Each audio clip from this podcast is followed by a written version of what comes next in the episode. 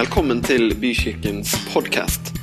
For mer informasjon om oss cvvvbykirken.no.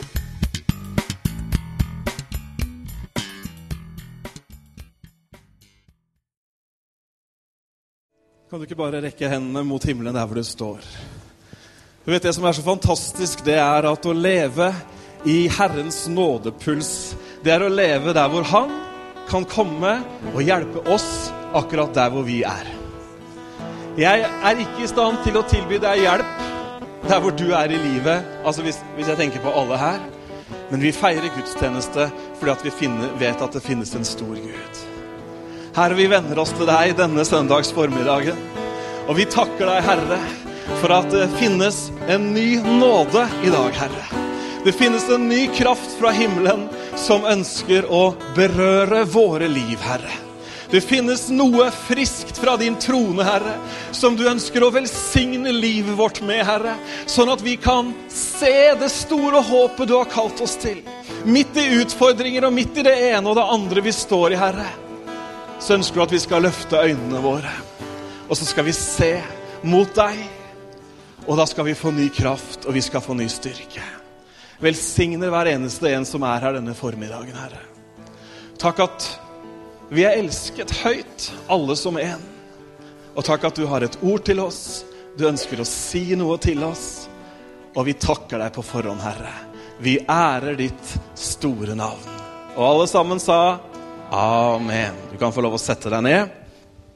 Og så har jeg den eh, store gleden av å få lov å ønske gjestene våre velkommen i dag. Vi så deg ikke i stad, Marit, så du må reise deg. Jeg vet at hun er veldig glad i det, og Fred også, selvfølgelig. Marit og Fred Håberg. En eh, herlig familie som eh, jeg og Julia har hatt gleden av å kjenne i mange år. Vi har bodd i samme by før, vi har gått i samme menighet før, faktisk. Det begynner å bli noen år siden. Men nå er det sånn at eh, etter noen år i utlendighet, dvs. Si som vestlending, så er Fred og Marit tilbake på Østlandet. Og da var det veldig hyggelig å kunne invitere dem hit til å dele Guds ord. Fred er en fantastisk bibellærer og forkynner. Jeg har gleda meg lenge, helt siden denne datoen ble landa, til å høre deg i dag, Fred. Fred også, eller er også med i eh, Pinsevennenes eh, lederråd. Også, er du fortsatt med i Plant? Ja. Jobber også i Plant, som er eh, fokuset mot det å plante nye menigheter. En mann med en stor kapasitet og med mange jern i ilden og med en motor som ja, Jeg har vært misunnelig på den mange ganger. Men først og fremst så er Fred en god mann. Og Marit er en god dame. Og det er venner vi har på besøk, og vi gleder oss til å høre deg, Fred. Så la oss ta han imot.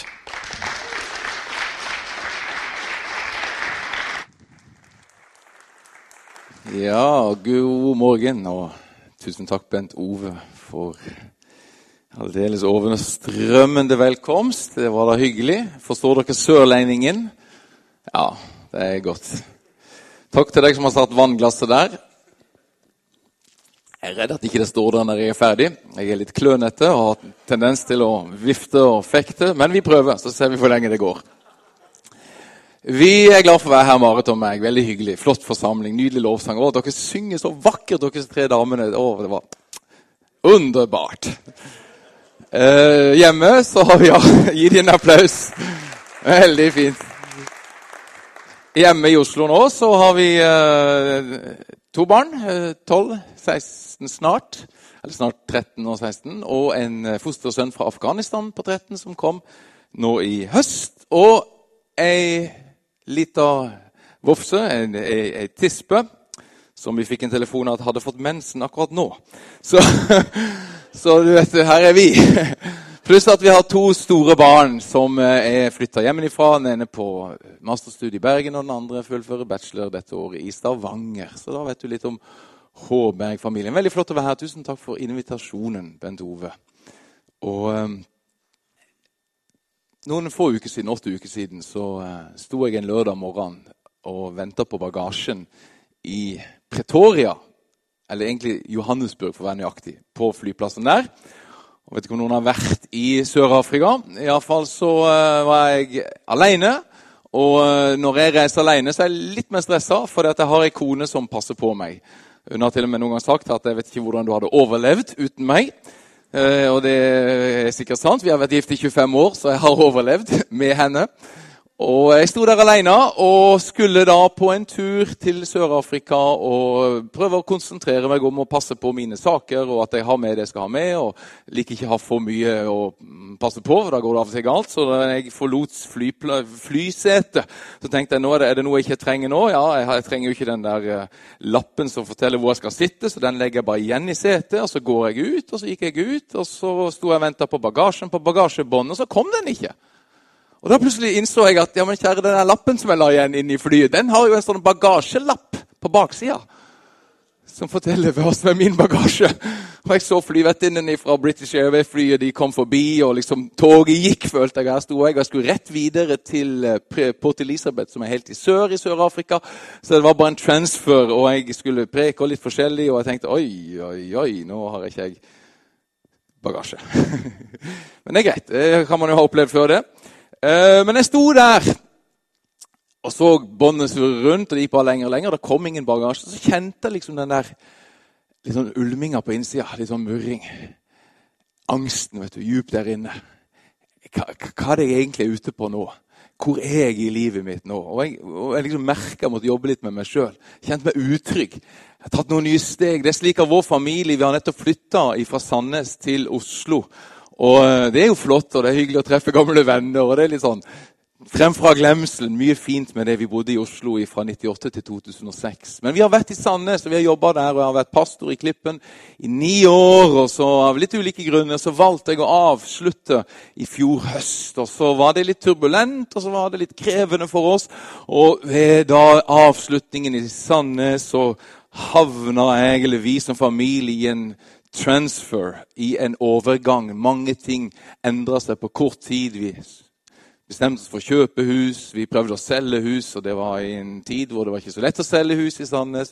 Og det var mange ting. Attpåtil har vi truffet noen nye herlige venner fra sør og begynt å gå litt sammen med de og lurer på om det kanskje er noe for oss som også er kobla til det. Så her sto jeg i Sør-Afrika og venta på bagasjen og innså at lappen lå i flysetet, og jeg var aleine og jeg kjente angsten, og jeg lurte på hva jeg gjør jeg hvor er i livet mitt?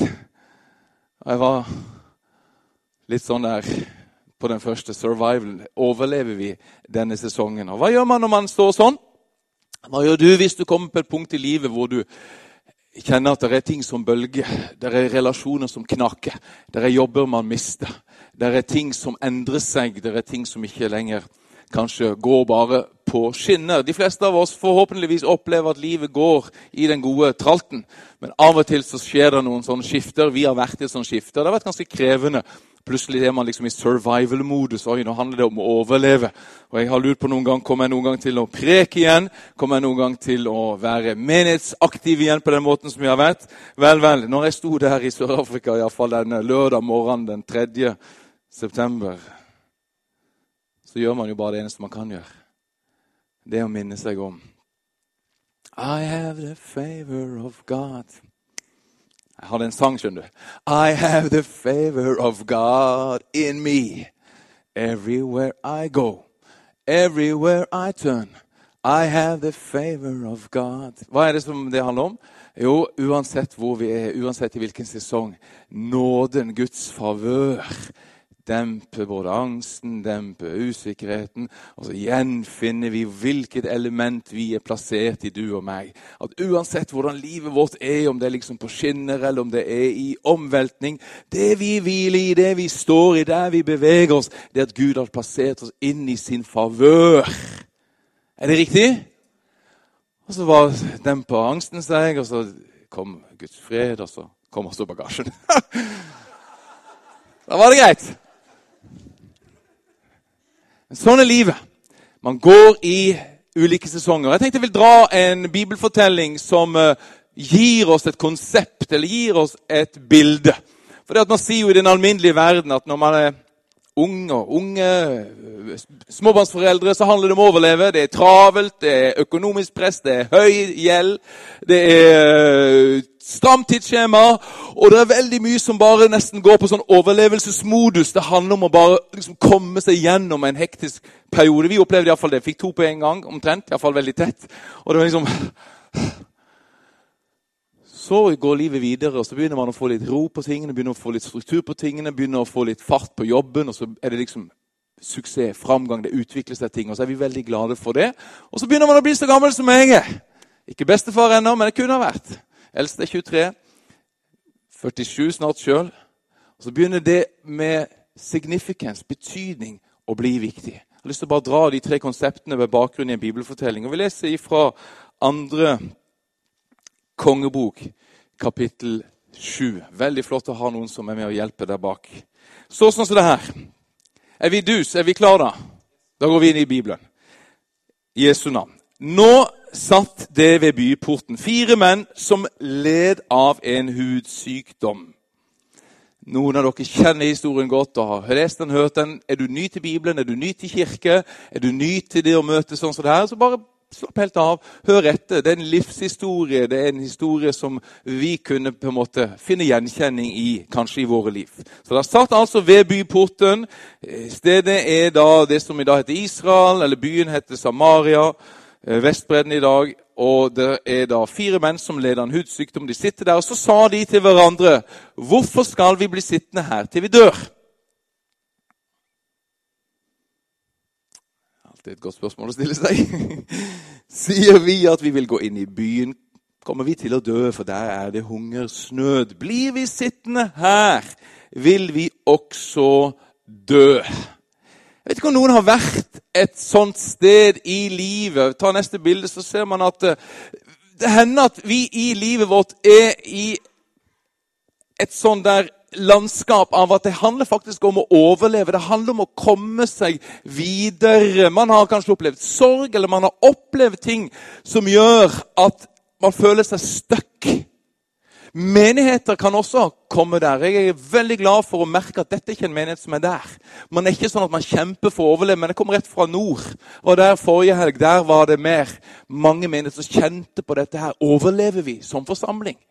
Og man føler seg stuck. Man føler at de handlingsalternativer man har, de er liksom ikke noe reelle. Gjør vi det? Nei, det funker ikke. Ja, men hvis vi gjør det, Nei, men det funker jo heller ikke. Og iblant så kan man som mennesker oppleve at det er der man er. Det er lite å gå på. Og vi har, som jeg sa, kanskje smakt litt på noe av dette. Ikke sånn fysisk, vi har levd godt, men det er ting Gud har lagt i hjertene. Det er tjenester, det er drømmer, det er visjoner, det er planer for livet. Og så hender det noen ganger at de smadres litt, og så lurer man på blir det noe av det. Så handler det nesten om å prøve å finne en vei hvor det kanskje ikke ser ut til å være en vei. Historien er iallfall sånn videre. Neste bilde. Kom, sier de. Nå går vi over til arameernes leir. Det var jo da fienden som holdt denne byen beleira, som var selve årsaken til hungersnøden. Det var jo selve problemet, de var disse armeerne. Vi går over til arameernes leir og lar de oss leve, berger ved livet. Dreper de oss, dør vi. I skumringen brøt de opp for å dra til arameernes leir. Og Hva er greia hvis man opplever at man i livet er på et survival-modus? Hva er viktig da? Jo, neste bilde.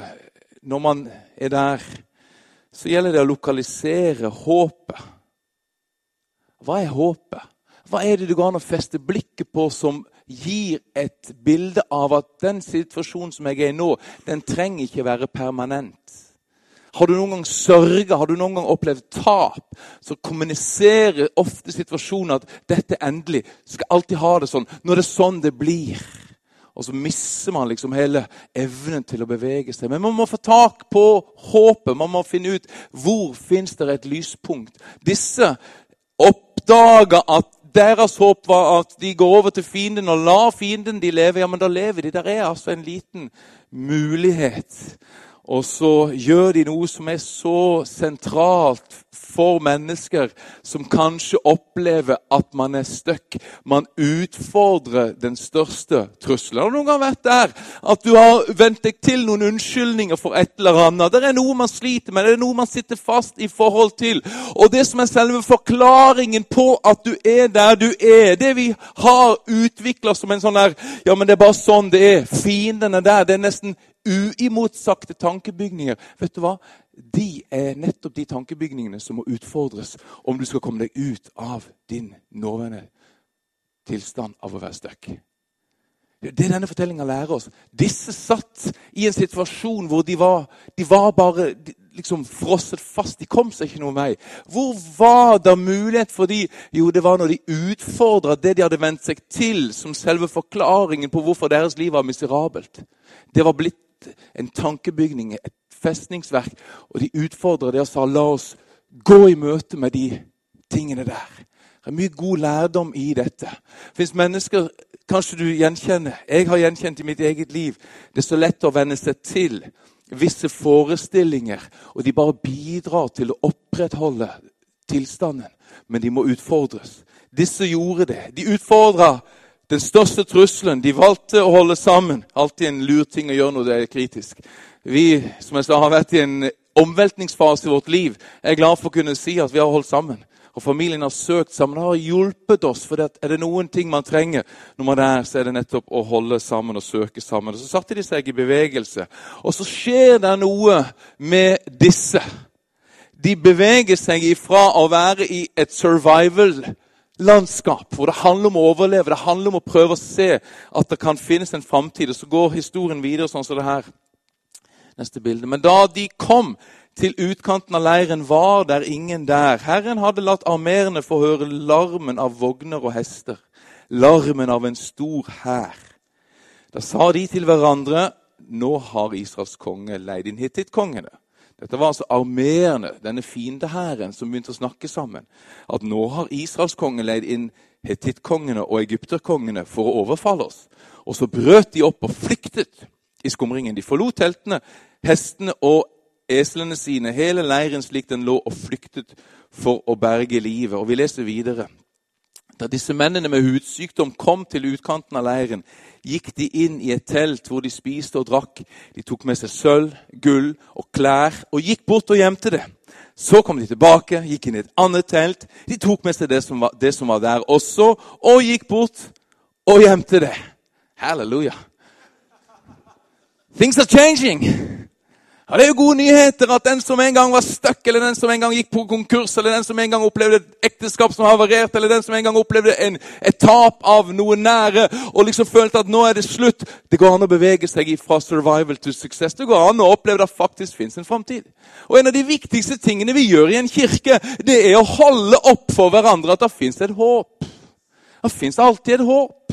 Uansett hva din og min nåværende tilstand prøver å kommunisere til oss, så finnes det alltid et håp. Og i kirka så får vi hjelp til å lokalisere det håpet. For det håpet er på en eller annen måte knytta til denne personen Jesus Kristus. Som overvant graven, overvant døden, overvant de kreftene som noen ganger slår inn som en angst og liksom prøver å dra oss ned. Han overvant de for at vi skal få lokalisere. Der fins et håp. Og det er alltid godt når mennesker som var i en viss tilstand, plutselig kom inn i festen. Disse som satt og holdt på å dø, og det var liksom tristest, det var tragisk. Plutselig er de rundt og fester og feirer og plundrer telt og har liksom blitt konger og grever og har alt. Herlig. Liker det. Litt framgangsteologi skader ikke. Kanskje det gjør det. Apropos Apropos Nei, men Vi tror på det. Vi tror på det at Gud er all håpets Gud og faktisk gjør det mulig for deg og meg å bli gitt mul eh, muligheter, så vi kan bevege oss. Jeg kjenner jo ikke nesten noen her inne, så jeg, jeg har jo ingen indikasjon eller informasjon på livene. Men eh, det hender at man sitter og opplever at det har liksom satt seg fast. Viktig at du går fra denne gudstjenesten og bare har kjent at nei, men det er ikke slutten. Det er aldri slutten aldri slutten. Det er aldri der det skal stoppe. For Gud gir en annen utgang. En mulighet for noe som gjør at du kan kjenne på nytt at å, nå er det noe som livner til. Nå er det noe som liksom, skjer i mitt liv. Og Noen kjennetegn kanskje på suksess det er jo et litt belasta uttrykk, men bare noen kjennetegn på det på neste bilde, er at en opplever flow. En opplever at nå er det noe som flyter, nå er det noe som stemmer. Endelig har jeg kommet inn i et landskap hvor jeg kan trives og kjenne meg i en situasjon av at nå finnes det ressurser, nå er det muligheter. Jeg opplever liv og overflod. Og det er sånn at når først det ene skjer, så åpner det, åpner det perspektivet for andre ting også. Suksess er Guds vilje. Og Det hørtes også ut som å banne i kirka, kanskje. For dette virker så overfladisk. Men faktisk er det sånn. Gud sa til Abraham, 'Jeg vil velsigne deg'. Jeg vil velsigne deg. Og det å ha en positiv forventning til Gud Er det noe som er viktig når livet er krevende, så er det at Gud ikke blir borte fra horisonten, for det kan skje.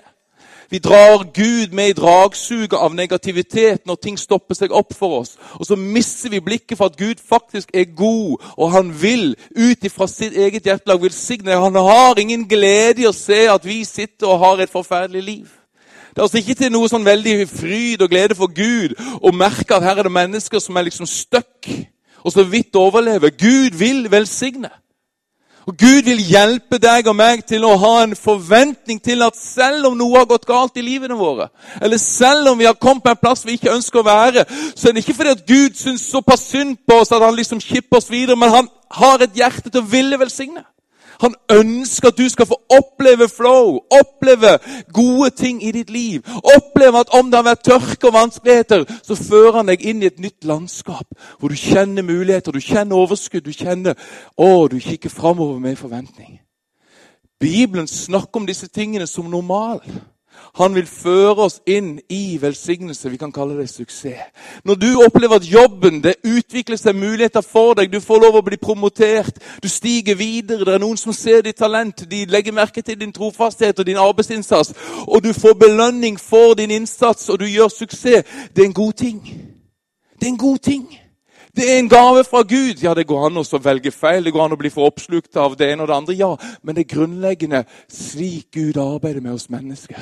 Han drar oss ut av overlevelse. Han velsigner oss, og han lar oss erkjenne Wow, Gud er god. Og når barna blir litt større, så du får litt mer overskudd, og det ikke kun handler om å overleve fra uke til uke, og du merker åh, nå kan jeg ta meg en tur på en konsert, og nå kan jeg liksom nyte livet litt og kjenne at det er deilig å leve, så skulle ikke vi føle dårlig samvittighet, men vi skal si takk Gud. Det er herlig å kjenne at barna er blitt litt større.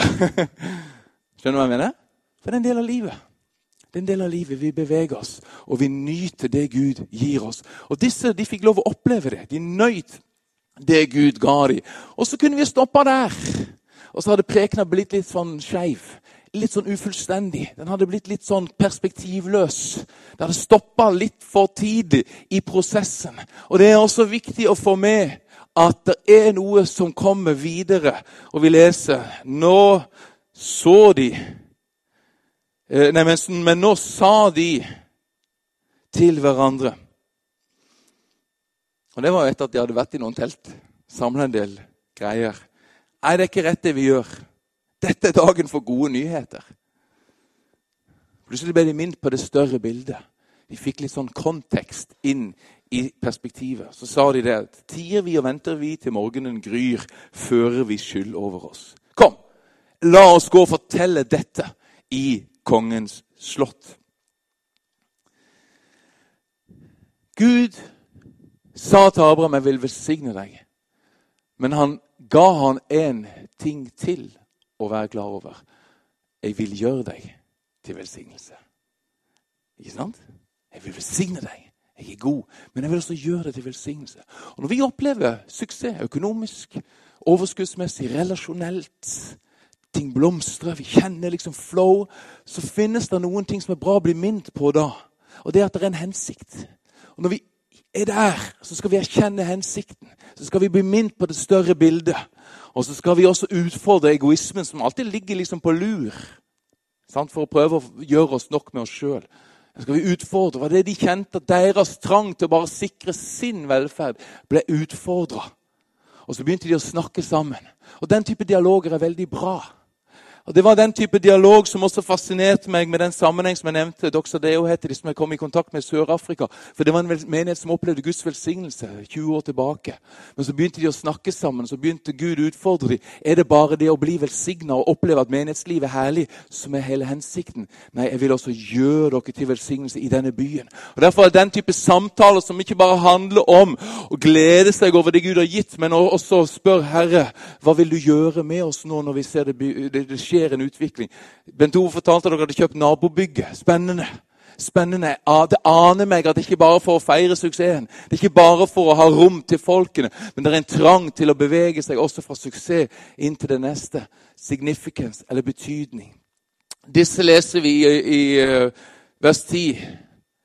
Gikk og ropte til vakten i byporten. Vi kom til arameernes leir, fortalte de. Og der var det ingen å se og ingen å høre. Men hestene og eslene sto bundet, og teltene var som de pleide å være. Portvaktene ropte dette videre, og det ble meldt i kongens slott. Kongen sto opp midt på natten og sa til mennene sine.: Jeg vil fortelle dere hva arameene har gjort mot oss. De vet at vi sulter. Derfor har de forlatt leiren, gjemt seg ute på marken. De tenker som så Når folk drar ut av byen, griper vi dem levende. Så kan vi trenge inn i byen. Men en av kongens menn eh, Henger dere med i dialogen? Altså Først så kommer det gode nyheter. Forteller det til kongen. Kongen har en alternativ forståelse av hva som er i ferd med å skje. Og sier at dette er bare fiendens taktikk for å gjøre oss sårbare og ta byen fra oss. Men en av kongens menn svarte, la noen ta fem av de hestene som ennå er igjen i byen. Vi sender dem av sted. Så får vi se. Det kan jo ikke gå dem verre enn alle israelittene som er igjen i byen. Eller alle de israelittene som allerede er omkommet.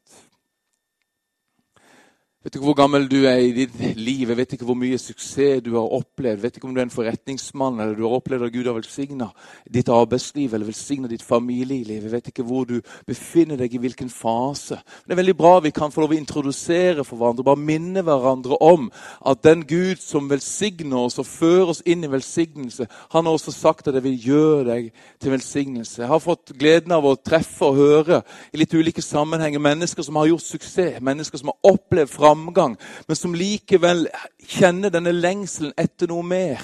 Det er ikke bare å nyte liksom, det gode man får del i sjøl, men jeg ønsker å bety noe. Jeg ønsker å være til en velsignelse. Jeg ønsker at mitt liv skal ha en betydning. Og du skjønner, Det der er en samtale som foregår i hele Kristi kropp. den. Den skjer ikke bare ute i, i, i, forretningsliv eller næringsliv, men menigheter over hele kloden og i Norge også stiller seg dette spørsmålet hvordan kan vi gjenfinne vår betydning i vårt samfunn. Hvordan kan vi forstå hvordan Guds veier er ment å skulle føre oss der at våre liv virkelig gjør en forskjell for andre? Og det er klart Et arrangement i morgen med 2000 barn som kommer for en alternativ halloweenfeiring, en halloween, det er bra vitner om at menigheten lengter, leiter, samtaler om veier til å øve innflytelse. Ja, menigheten gjør det, men også i våre liv. Også der vi er, så foregår det noe inni oss hvor spørsmålet blir Herre, hvordan kan mitt liv, mener jeg, mitt gode liv, hvor du har velsignet meg, hvordan kan det føre til noe som gjør at mitt liv får betydning? Det er en viktig samtale. Da blir vi litt oppmuntra av det som skjer. For det er nettopp den prosessen som er litt krevende. For en ting er også å si halleluja, takk og lov, og priset være Herren her inne. De fleste er relativt enige i det statementet. Jeg mener, Det er ikke så mange som står bak og sier nei, nei, nei, feil, feil, feil. Dette er vår speis. Her er kirka. Her får vi lov å si Jesus er stor. Alle sier enten amen, eller så sier de ingenting. Men der ute i den verden Gud har plassert oss, når vi lengter etter å finne veier, og menigheten lengter etter å finne veier og gå fra suksess til significance, da blir dialogen litt mer forviklende, litt mer komplisert. Og Det lærer vi i denne fortellingen. For disse hadde i sitt hjerte et oppriktig ønske om ikke å være selvsentrert, men å bringe gode nyheter. Og de tenkte at ja, men bare vi får tak i noen litt høyt oppe på strå, som har innflytelse i samfunnet, bare de får vite, og kongen får vite at nå er det muligheter for hele folket å få mat, så kommer dette til å gå av seg sjøl. fantastisk når Guds folk har gudsrike perspektiver, begynner å be og arbeide med relasjoner til mennesker som Gud har plassert i posisjon. Begynne å se på hvordan at Guds rike kan bli distribuert rundt om i samfunnet på ulike måter gjennom de folka som finnes der. Og så Samtidig ser vi at noen ganger er de prosessene litt kompliserte. For det gikk ikke bare helt beint fram. Kanskje vi kan si det sånn at i det som Gud også noen kanskje mer enn en, en på lenge vil lede oss ut i, finne vår vei. Hvordan kan bykirka gjøre en stor forskjell i denne byen? Så hender det at det er en utfordrende kommunikasjonssituasjon. Det er ikke alltid våre intensjoner blir rett oppfatta. Apropos, ikke sant? Det er noe krevende med det å ta liksom, ja, men hallo, Jesus er det beste som har hendt meg. Og så sier vi det, og så roper vi det der vi tror det må bli hørt. Og så plutselig ble det en annen historie før det nådde de som skulle høre den. Men nei, la meg legge merke til hva som skjer. Vi ser ikke alltid konsekvensen i nå eller nuet av de steg vi tar. Det settes i gang prosesser som kanskje bare lenger framme i tiden viser hva slags konsekvens det hadde. Og Denne menigheten som jeg refererte til, inspirerte mange av oss her i landet for noen år siden. Når de fortalte om hvordan Gud tok de med på en reise som var mange, på mange måter forvirrende og, og utfordrende. og Man kunne liksom ikke alt så godt som det å drive menighet. Men gjennom ulike prosesser så plasserer Gud en inn i sammenhenger hvor Guds rikes velsignelser og verdier får begynne å berøre mennesker langt vekke fra det å komme på en gudstjeneste. Og Så begynner man å snakke om at menighet hva er det? Jo, det er ikke bare de som kommer sammen. Det er ikke bare når vi er på søndag at vi er menighet. Vi er menighet fra mandag til søndag. Der vi er, er vi menigheten. Du er menigheten, jeg er menigheten. Der vi beveger oss i vårt hverdagsliv, er vi den utsendte menighet. The gathered church, the scattered church.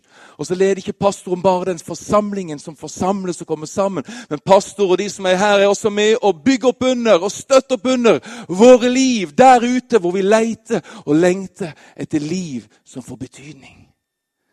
Amen.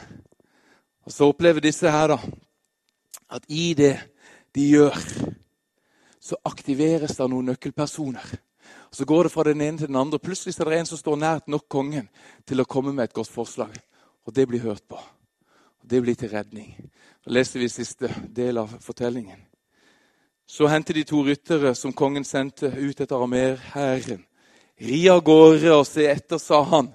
De fulgte etter arameerne helt til Jordan, og hele veien lå det fullt av klær og annet utstyr som arameerne hadde kastet fra seg da de flyktet. Sendebudene kom tilbake og meldte dette til kongen. Da dro folket ut og plyndret arameernes leir. Og det gikk som Herren hadde sagt. For han hadde sagt at hungersdøden skulle ta slutt, og folket skulle få mat. Amen. Det er herlig. Det er herlig. Og du skjønner det at Jeg tror Gud gjør noe i vår tid. Gud gjør noe i vår tid. Han setter opp vår liv til å forstå noe om hvordan vi kan ha innflytelse. La meg få ta med en historie til slutt som gir oss tre nøkkelord. De nøkkelordene har å gjøre med vår identitet, våre verdier og vår visjon. Da snakker jeg også litt personlig. For er ditt liv, mitt liv Kanskje du er på min alder, kanskje du er yngre. Uansett, Gud har noe for deg og meg. Og Vi leser i Hebrevbrevet om Moses i kapittel 11. Det står om Moses vers 24 at i tro nektet Moses da han ble stor, å kalles sønn av faraos datter. Han ville heller lide vondt sammen med Guds folk enn å nyte synden en kort tid. Han holdt ut Nei, han holdt, unnskyld, han holdt Kristi vanære for en større rikdom enn skattene i Egypt for han så fram til lønnen.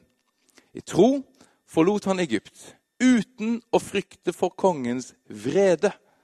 Han holdt ut, for det var som om han så den usynlige.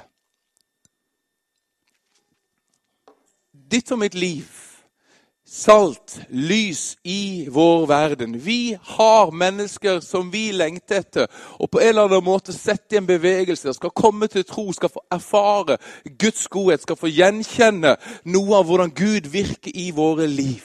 Vi er plassert der vi er plassert, kanskje i et kristent miljø, kanskje i et veldig ikke-kristent miljø. Der er Guds rike nær gjennom deg. Hva er viktig? Moses var i fremmed land.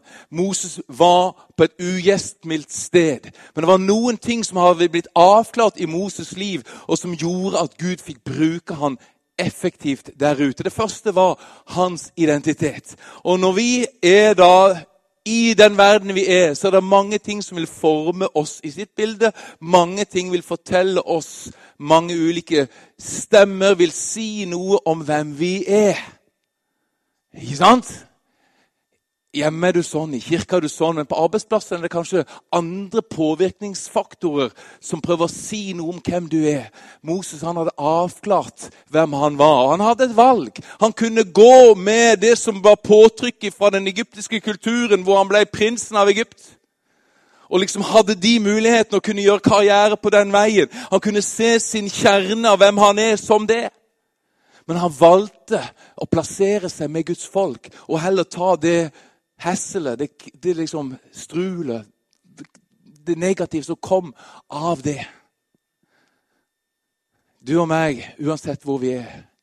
Halleluja. Vi er ikke bare i kirken at vi er hellige, men vi er hellige, vi er rettferdige, vi er Guds eiendom, hans barn, der vi er. Og uansett om det er et godt åndelig klima eller det er et vanskelig miljø vi er i, så kan vi lov å ha med oss en avklart identitet, at Gud er oss nær i Kristus, uansett om vi føler det salig eller vanskelig. Og vi representerer Gud inn i vårt miljø. Vi har en avklart identitet, og vi er trygge i nåden. Vi har lært at vi står støtt. Uansett om det er superkrevende omgivelser, så bærer vi Gud inn der. Vi har avklart vår identitet. Og når det er noe som banker på, når vi minnes på noe, så trenger ikke vi å liksom føle oss uverdige og tenke at ja, jeg har sikkert ikke bedt nok, jeg har ikke ditt nok, jeg har ikke datt nok. Vi glemmer det. Og så er vi trygge i vår identitet, så bare får vi å si Herre, her er jeg. Jeg representerer deg i min verden. Og Så hadde Moses også tatt rede på hva er viktig for meg. Han hadde avklart verdiene. Han hadde sagt noe til seg sjøl om at tross alt, så djupest sett i meg så er det en lengsel etter Gud å få lov å gå med han. Den er faktisk viktigere enn å få suksess i Egypt og bli liksom powerful i den sfæren. Hva er det viktigste for deg og meg? Hva er det det djupeste i oss? Hva er det som lodder aller djupest? Vi gikk gjennom en fase av å bli litt lei hele menighetsstrulet, for vi syntes ting var vanskelig. Er det lov å si det i en kirke? Men vi oppdager i prosessen det er noe som lodder dypere enn alt annet. Og det er trangen til å få tilhøre Gud og gå på hans veier. Verdier. Hva er det viktigste? Jo, det viktigste er faktisk hva gjør Gud med våre liv i det lange løp? Han så fram til lønnen. Han visste det. Gud har plassert meg der jeg er. Nå har vi plassert oss i Oslo, og vi lengter etter at Guds rike gjennom oss skal ha framgang. Han avklarte verdien, og til slutt så var han også klar i forhold til hva han så. Og det er fantastisk. Menigheter, enkeltmennesker som beveger seg fra suksess til signifikans, lar Gud være den man ser, også når man ikke ser ham. Moses han møtte frykt. Han sto opp mot farao. Han utfordres på så mange ting. Og når vi skal stige ut av det som bare er det enkle og trygge, og vi vil gå på nye veier, så blir vi utfordra på så mange ting. Hallo!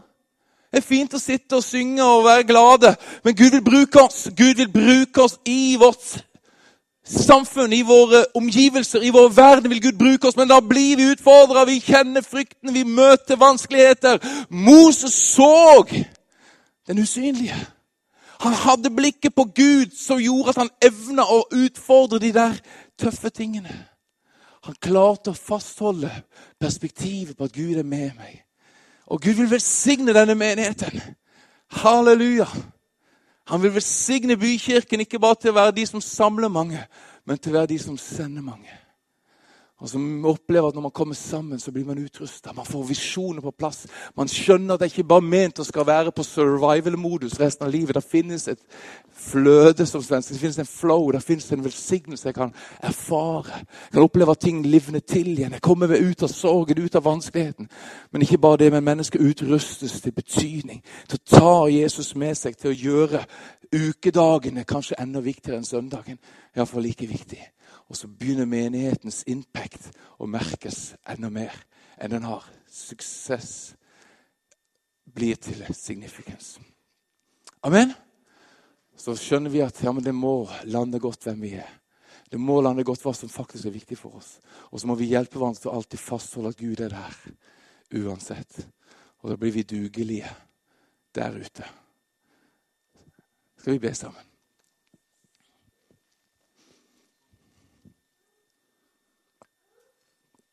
Far, du kjenner alles hjerte, og vi takker deg, Herre, for at du elsker oss.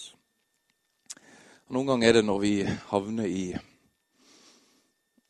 i uh, krabbefeltet, eller vi havner i, på parkeringsplassen, eller vi havner liksom ut av hovedstrømmen, at vi gjenkjenner det best, Herre. For uh, når vi føler oss minst verdige, så har kanskje du også størst evne til å komme gjennom og formidle hvor fullstendig ufortjent og totalt uten grenser vi elsker deg.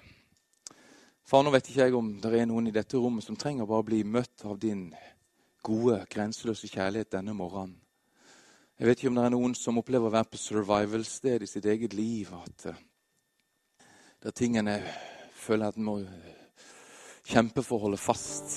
Relasjoner eller drømmer. Helse, andre ting, Herre. Far, ber ved din ånd at du hjelper hver enkelt i så fall i den situasjonen å lokalisere håpet. Et håp som er knytta til din egen person og din egen tanke for oss. Du sa og du sier at du vet hvilke tanker du tenker for oss. Du vil gi oss framtid og håp, for det er fredstanke. Så far, vi ber om det. Vi ber i Jesu navn også om gode avgjørelser. Ber far at mennesker skal få reise seg fra avmakt, om det er nødvendig. Utfordre tankebygninger, utfordre unnskyldninger, utfordre de tingene som man har kanskje sett som fjell. Og så få lov å ta nye steg, Herre. Så far, så priser jeg deg for de som har opplevd glede og lykke og framgang i sitt liv, men som bærer på et større potensial til å bety en større forskjell for mennesker som er kanskje helt veldig veldig fjernt fra å skulle sette sine bein inne på dette rommet, i denne sal, Herre, hvor det å komme hit er helt umulig nå. Men Herre, det fins noen som kan ta kirka til dem, gudstjenesten til dem, ta livet fra deg til dem, Herre. Far, vi bare ber i Jesu navn at denne menigheten og disse folkene skal få lov å gå på dine veier. For vi gjennomsyrer denne byen, Herre, med ditt rike, ditt nærvær. Takker deg, Herre, for de som står overfor syke, som uh, gjør kjent for sine arbeidskollegaer at de plages med ryggen, de plages med smerter. De, de, de er ærlige på livet sitt. Fader, takker deg at vi kan få lov å tilby forbønn. Få lov til å bringe dine muligheter inn i menneskets liv. Vi kan få lov å ha profetisk snert i det vi sier. Vi kan få gi håp, Herre, der folk føler at håpet har blitt knust. Herre, jeg bare priser deg, far, for mennesker som får lov å bære ditt rike. Nærvær og kraft inn i miljøer som ikke har vært preget av de verdiene i det hele tatt. Og som opplever at denne menigheten er med å backe det, støtte det, gi næring til det. Gjør at vi kan få lov til å ha en stor betydning. Jesu navn vi priser deg, velsign ditt navn. Takk at du er her.